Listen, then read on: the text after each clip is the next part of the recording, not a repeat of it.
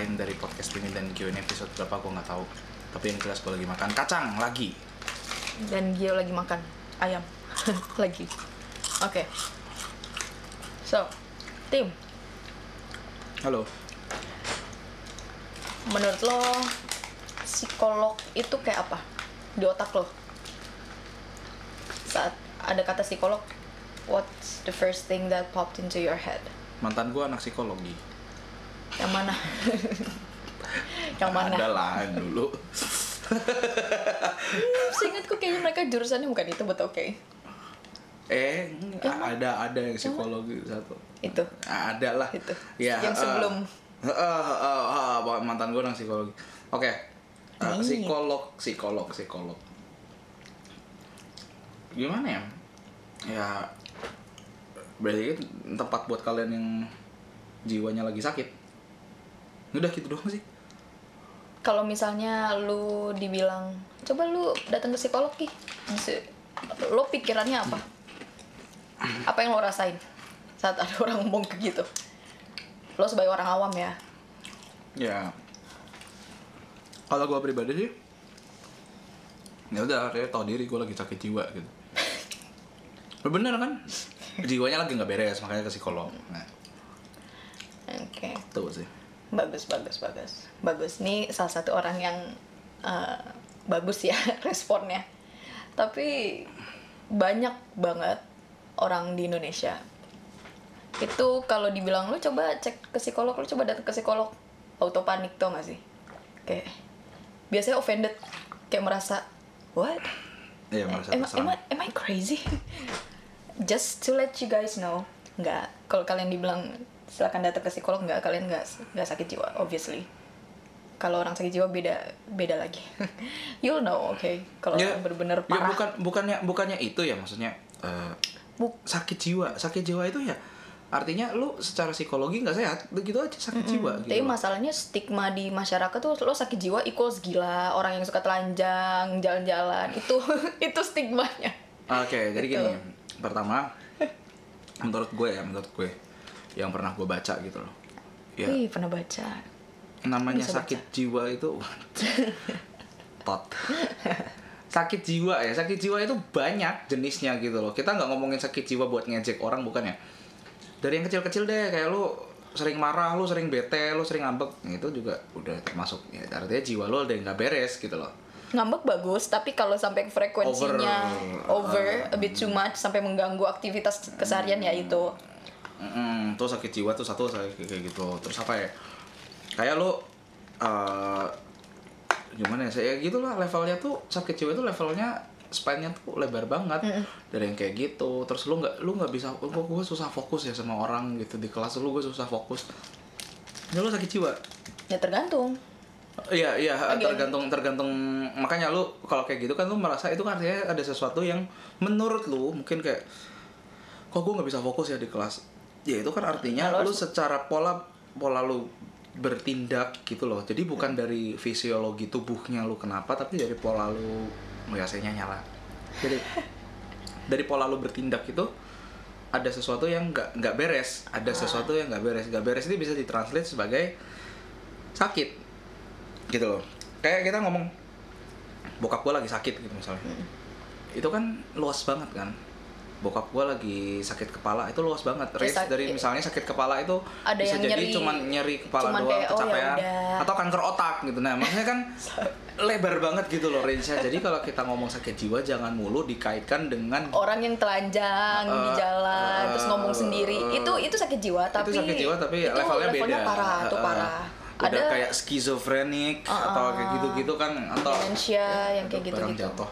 Ada suicidal kayak gitu Uh-uh. misalnya. Nah makanya kayak, kayak kayak orang tuh selalu punya stigma bahwa kalau lu dicap sakit jiwa ya artinya lu sakit lu lu parah gitu loh. wah gila oh, lu otak enggak, lu gak enggak, beres. obviously enggak. Orang apa ya? Kalau let's say gini ambil contoh, lo kalau misalnya ngedengar kata depresi, apa yang lo pikirin? Hmm. Stigmanya, stigma yang paling sering lo denger apa tim? ya Orang depresi. hampir bunuh diri Hmm. misalnya kayak gitu Ah, ah, misalnya kayak gitu.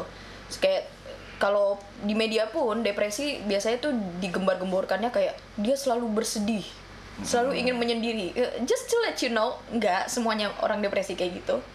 Dan mereka ya again tergantung depresi sangat luas ada yang ringan ada yang berat Tuh. yang digembar-gemborkan selama ini itu terlalu didramatisir dan kesannya itu disamaratakan depresi kayak gitu sama kayak penyakit yang lain misalnya bipolar bipolar ganti-ganti emosi secara Cepat. apa cepat gitu loh Dan- terus orang mikirnya kayak oh jadi dia kayak berkepribadian ganda. Orang suka kayak gitu miskonsepsinya malah. Bipolar sama kepribadian ganda. No. Ya. it's not that.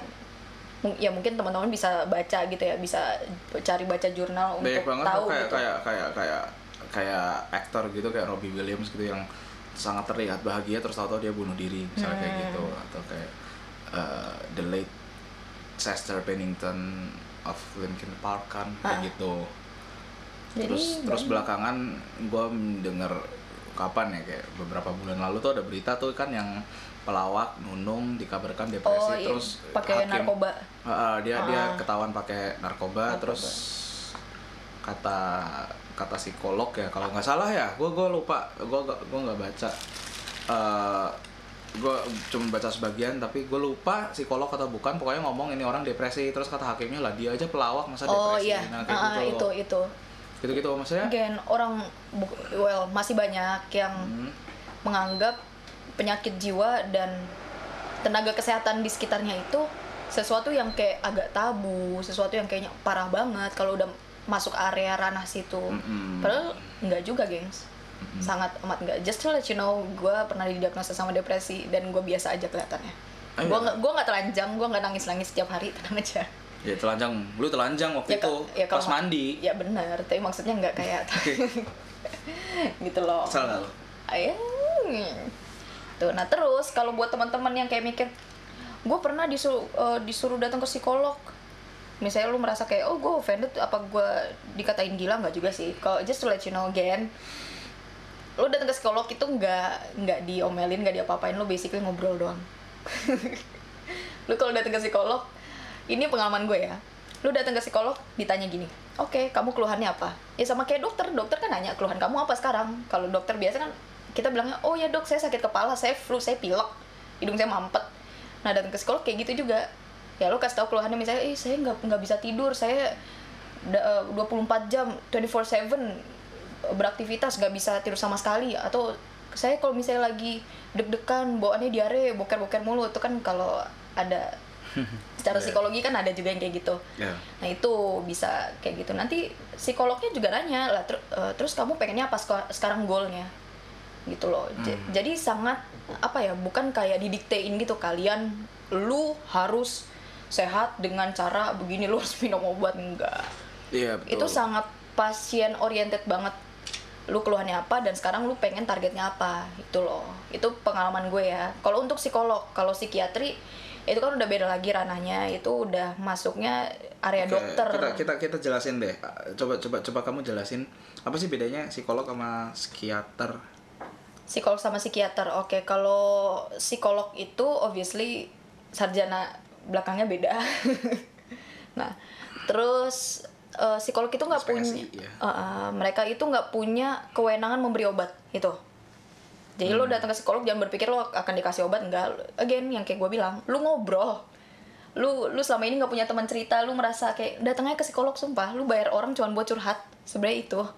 Tapi again kalau misalnya lu eh, ngobrolnya obviously bukan ngobrol asal ngobrol kayak lu sama sahabat lu atau teman lu mereka ngobrolnya bener-bener sistematis gitu tau gak sih? Sistematis. Nah kalau psikiatri itu mereka basically dokter dan mereka ada di bidang kejiwaan juga. Jadi mereka punya Oh ini ya spesialis kejiwaan itu ya. Nah, aku lupa itu ya. Belakangnya apa? Ya.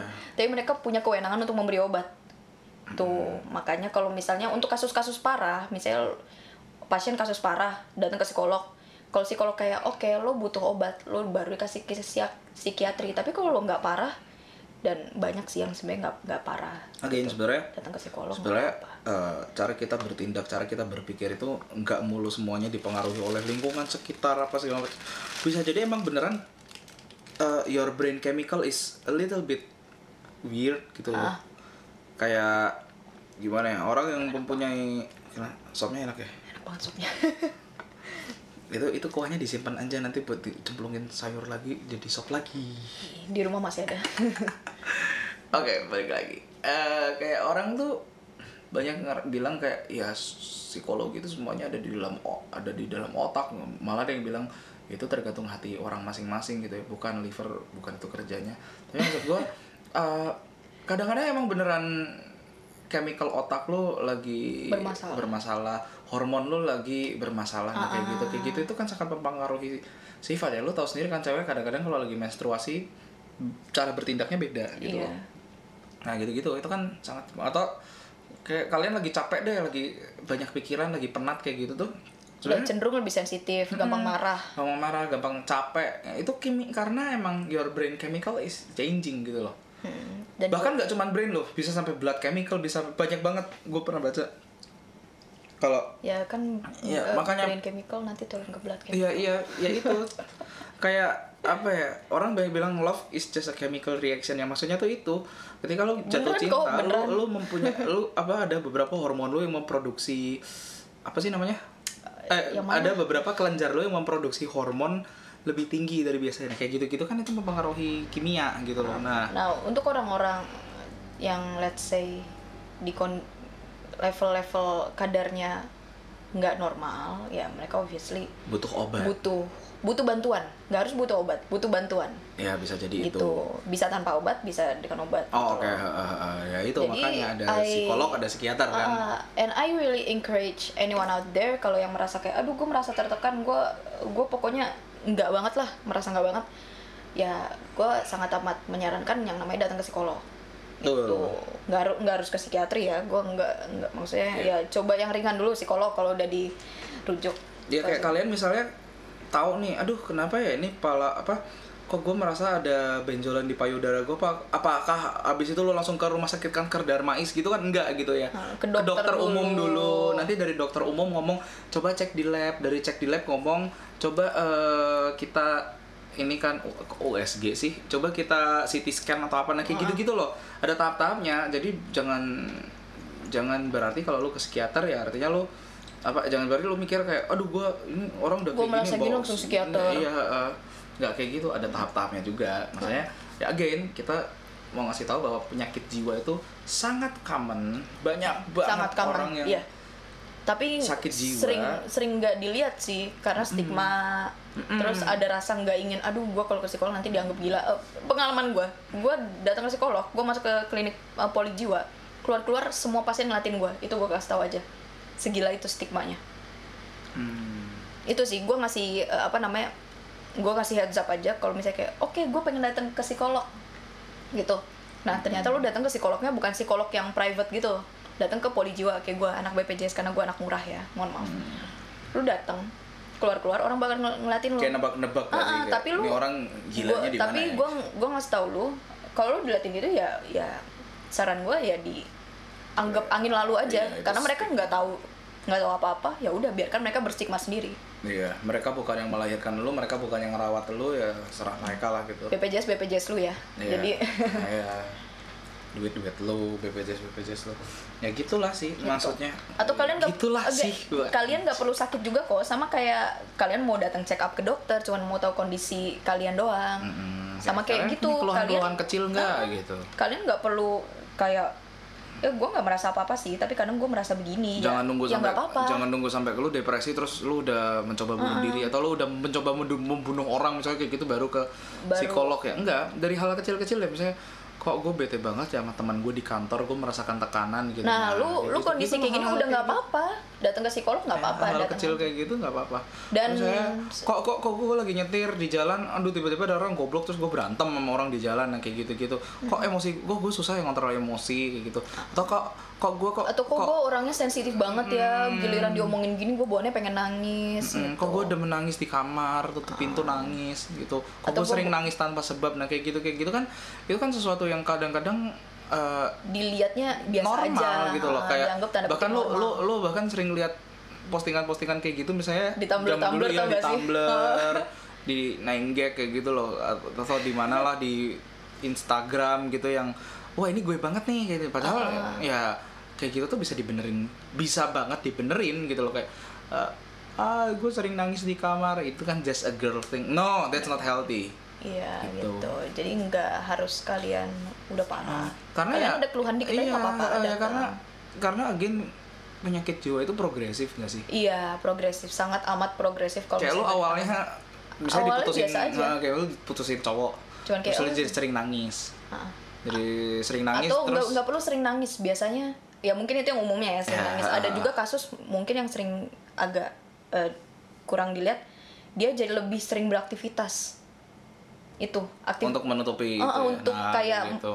menghilangkan pikiran-pikiran cowoknya gitu loh Mm-mm. mantannya eh ternyata gitu. giliran kalau diperhatikan udah kelewatan dia terlalu mengandalkan aktivitasnya let's say sampai tidurnya cuma dua jam sehari kan Nah, itu udah bermasalah ya, gitu, gitu. loh ya jadi gini, banyak banget eh, apa ya intinya gini loh banyak banget yang namanya penyakit jiwa itu dan belum tentu kalau lu sakit jiwa artinya lu harus dirawat di jiwa. rumah sakit gitu, jiwa. enggak. Enggak, enggak. dari hal kecil kayak gitu ya datanglah ke psikolog gitu loh enak. Dan satu lagi psikolog itu kalian cocok-cocokan juga. Karena Hmm. ada sih ada gue banyak dapat cerita ya gue datang ke psikolog. Gue cerita kalau misalnya gue sering bersedih gini-gini. Intinya diagnosanya jatuhnya depresi gitu kan. Hmm. Tapi saran yang diberikan psikolog adalah banyak yang mencerita kayak gini coba kamu mendekatkan diri kepada Tuhan gitu. Itu kayak banyak banget. Nah Hmm.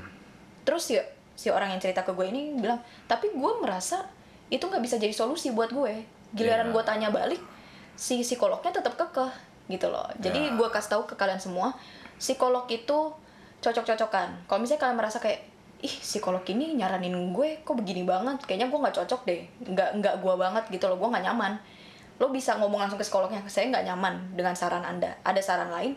Kalau mereka masih kekeh ya kalian bisa cari psikolog lain. Itu sih saran gue ya sama kayak dokter kan. Ada dokter yang oh, kok nggak manjur nggak manjur? Ya kok di, do- di dokter ini manjur karena obatnya dosisnya banyak kayak gitu atau apa gitu kan beda beda gitu loh. Iya. Gitu kayak loh. ya cocok cocokan lah kayak gitu psikolog tuh ya kayak lu kalau punya mobil montir kan juga benerin mobil bisa benerin sama montir bisa benerin mobil tapi kan lu gak cocok cocok cocokan sama montir ini ngediagnosa mobil lu rusak apa kayak gitu. Atau kalau lu yang musisi misalnya lu pengen apa benerin gitar nah kayak gitu kan cocok cocokan banget gitu. Loh apalagi ya hal yang berhubungan dengan jiwa manusia yang sangat diverse psikologi itu hal yang cocok-cocokan gitu. Dan tapi bukan berarti berdoa dan beribadah itu nggak baik ya. Tapi buat beberapa orang itu nggak jadi solusi. apalagi kalau lu ateis misalnya kan. Mm-mm, atau lo agnostik ateis yang nggak terlalu religius banget. Iya, terus disuruh kayak gitu kan malah kadang-kadang kok nggak cocok banget nih gitu. Ya, Jangan nggak jadikan kayak ah semua psikolog nyaraninnya gini nggak juga. Banyak, psikolog beda-beda. Mm-mm, beda-beda kok. Gitu. Gitu. Bisa pakai BPJS psikolog by the way. Oh, eh, Poli jiwa. Gitu. Badan padat jiwa sekong. dan lu kalau di di di psikolog lo itu sangat pengalaman gue ya. Nggak ada yang namanya eh, judging justifikasi nggak ada yang kayak gitu. Lu murni sang itu ruang yang sangat aman untuk lo membuka rahasia lu sebenarnya. Gitu dan satu lagi kalian kalau merasa kayak kok gue nggak sembuh ya? Terus giliran ditanya emang lu udah berapa kali ke psikolog baru sekali ya no shit lu nggak sembuh Hmm. gue masih merasa begini ya padahal gue udah psikolog baru berapa kali sekali ya ya no shit gitu Nah, loh kayak, ah, kebayang kebayang. Mm-mm. jadi perlu ya beberapa ya sama kayak ke dokter kalau misalnya udah selesai obatnya datang lagi buat check up gitu loh Iya. sama kayak psikolog tapi psikolog kan lebih kompleks karena lu ngomongin jiwa Iya, to be honest menurut gue pribadi ya. Kalau lu dokter sama psikolog itu menurut gue ya lebih kompleks psikolog. Karena psikolog itu banyak banget ilmu yang kayak lu coba kayak gini, lu coba kayak kalau dokter kan udah jelas penyakitnya ini, obatnya ini. Penyakitnya ini, obatnya ini. Kalau psikologi kan uh, ya itu manusia itu diverse pola pikirnya gitu loh. Kita nggak bisa apa ya antropologi manusia tuh eh, lahir dari bangsa ini punya pola pikir kayak gini. Lahir dari bangsa itu punya pola pikir nggak bisa gitu. dikotak-kotakan.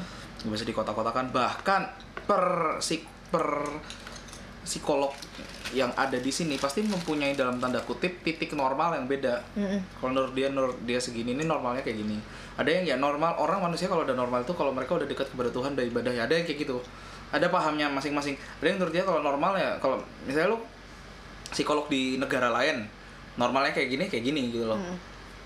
karena norma tiap bangsa tuh beda normanya Iya. Indonesia kayak gini normanya Amerika kayak gitu normanya Tajikistan kayak gitu normanya Uzbekistan kayak gitu. Iya, bener kok buku maksudnya istilahnya kalau kalau di gua di keperawatan ya itu buku-buku standar kayak gitu kayak diagnosa kayak gitu-gitu disesuaikan juga dengan masyarakat. Nah iya. Gitu. Dari- Jadi mungkin kalau kalian kalau kayak bilang, ih kok beda sih psikolog yang di sini dengan yang di luar negeri? Ya no shit, psikolog di sini disesuaikan dengan masyarakatnya, gitu loh. Iya, kayak ya itu ya, kayak tadi kayak Ah. buku kesehatan, lu buku kesehatan kalau buat Caucasian sama buat Asian kan beda. Kayak Dosis obatnya, manajemennya. cara cara eh, manajemennya beda, Ah, orang golong, kalau- golongan kalau- darahnya beda. Kalau gitu-gitu misalnya kan. nih, misalnya orang dia diabetes di mungkin di luar negeri dibilang jangan makan roti, jangan makan kentang. Lah kalau di sini bilangnya jangan makan nasi. Ya kali makan roti kentang se- keseharian kita makan Misalnya kayak nasi. gitu, Ah, ya. nah, itu Jadi- coba lo apply ke dalam kejiwaan gitu, Eh, psikolog. Jadi kalau misalnya lo merasa banget. ah, kalau merasa kayak kayaknya terlalu ini banget sih, cari lagi gitu loh. Hmm. Jangan lelah untuk mencari psikolog atau bantuan ke- kesehatan yang baik. Oke, ya itulah saran dari kita dan kesan dan pesan tentang kejiwaan dari kita. Ini baru dikit. Ya ini baru ini ya, baru podcast awal-awal masih kita ngobrolin kayak gini-gini dulu aja lah ya. Belum kompleks ya. Masih Nanti. hal-hal yang nggak perlu kita buka jurnal untuk mencari jawaban gitu. Mancing. Ya gitulah. Ya ya kita mungkin nanti bisa sampai ke podcast yang kayak gitu loh yang kayak harus buka jurnal gitu. Seru sih kalau sampai kayak gitu. Iya seru tapi kalian dengerinnya pasti bosan kayak si anjing ini ngapain sih lama banget buka buku lagi nyari bentar tim lagi nyari. Percaya gitu. sama gue, gengs, baca jurnal itu menyenangkan. Iya karena kalau ada orang yang salah lu tinggal toplokin aja pakai Iya. jurnal gitu mampus dia.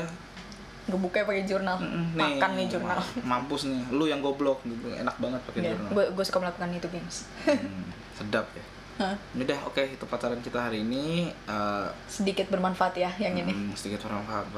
Oke, Anda kita hoki. akan tutup dengan apa? ASMR lagi. ASMR gua kentut mau nggak? Enggak, gue nggak bisa kentut. Enggak, lagi nggak ada anginnya. Salah. Ya udah ASMR gua kentut aja mau. Ew. Ya, kasihan kasihannya viewer gua kayak awal-awal wah gila seru nih podcast viewer 50 terus sampai ada ASMR gua makan, toto viewer jadi 30. Ada ASMR gua apa viewernya pada kabur. Udah sekian dari Timi dan podcast Gio. Timi dan Gio. See you, kita mau ngapain Gi? Nggak tahu mau tidur, gua ngantuk banget. Tuh, ya dadah. dadah. Dadah.